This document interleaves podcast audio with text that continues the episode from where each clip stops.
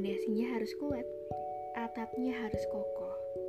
Tak lupa, ventilasinya agar tetap hidup dan juga sejuk. Rumah mesra sendiri adalah gambar nyata dari rindu yang diseduh dalam secangkir teh hangat kala pagi.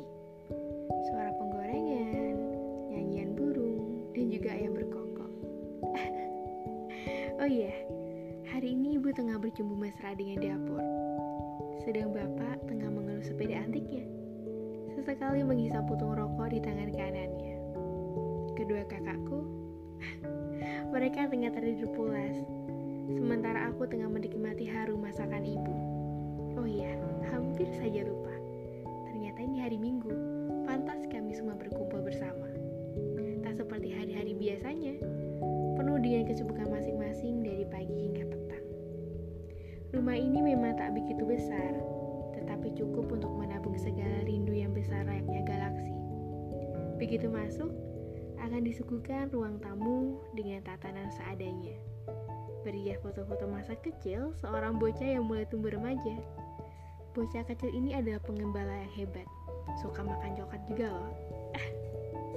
tak lupa disisipkan kaligrafi berisi surat Al-Baqarah ayat 255. Setelah melewati ruang tamu, rumah ini menyajikan ruang keluarga munyil yang hanya berhias televisi 21 inci, besar, dan juga karpet berwarna coklatnya.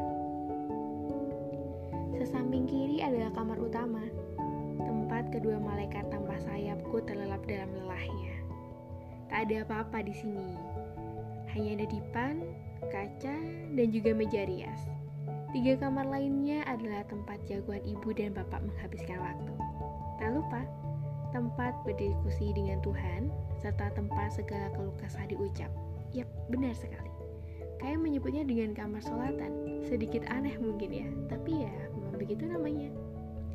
Oh iya, rumah ini juga berhias dapur yang selalu bercumbu mesra dengan ibu setiap harinya.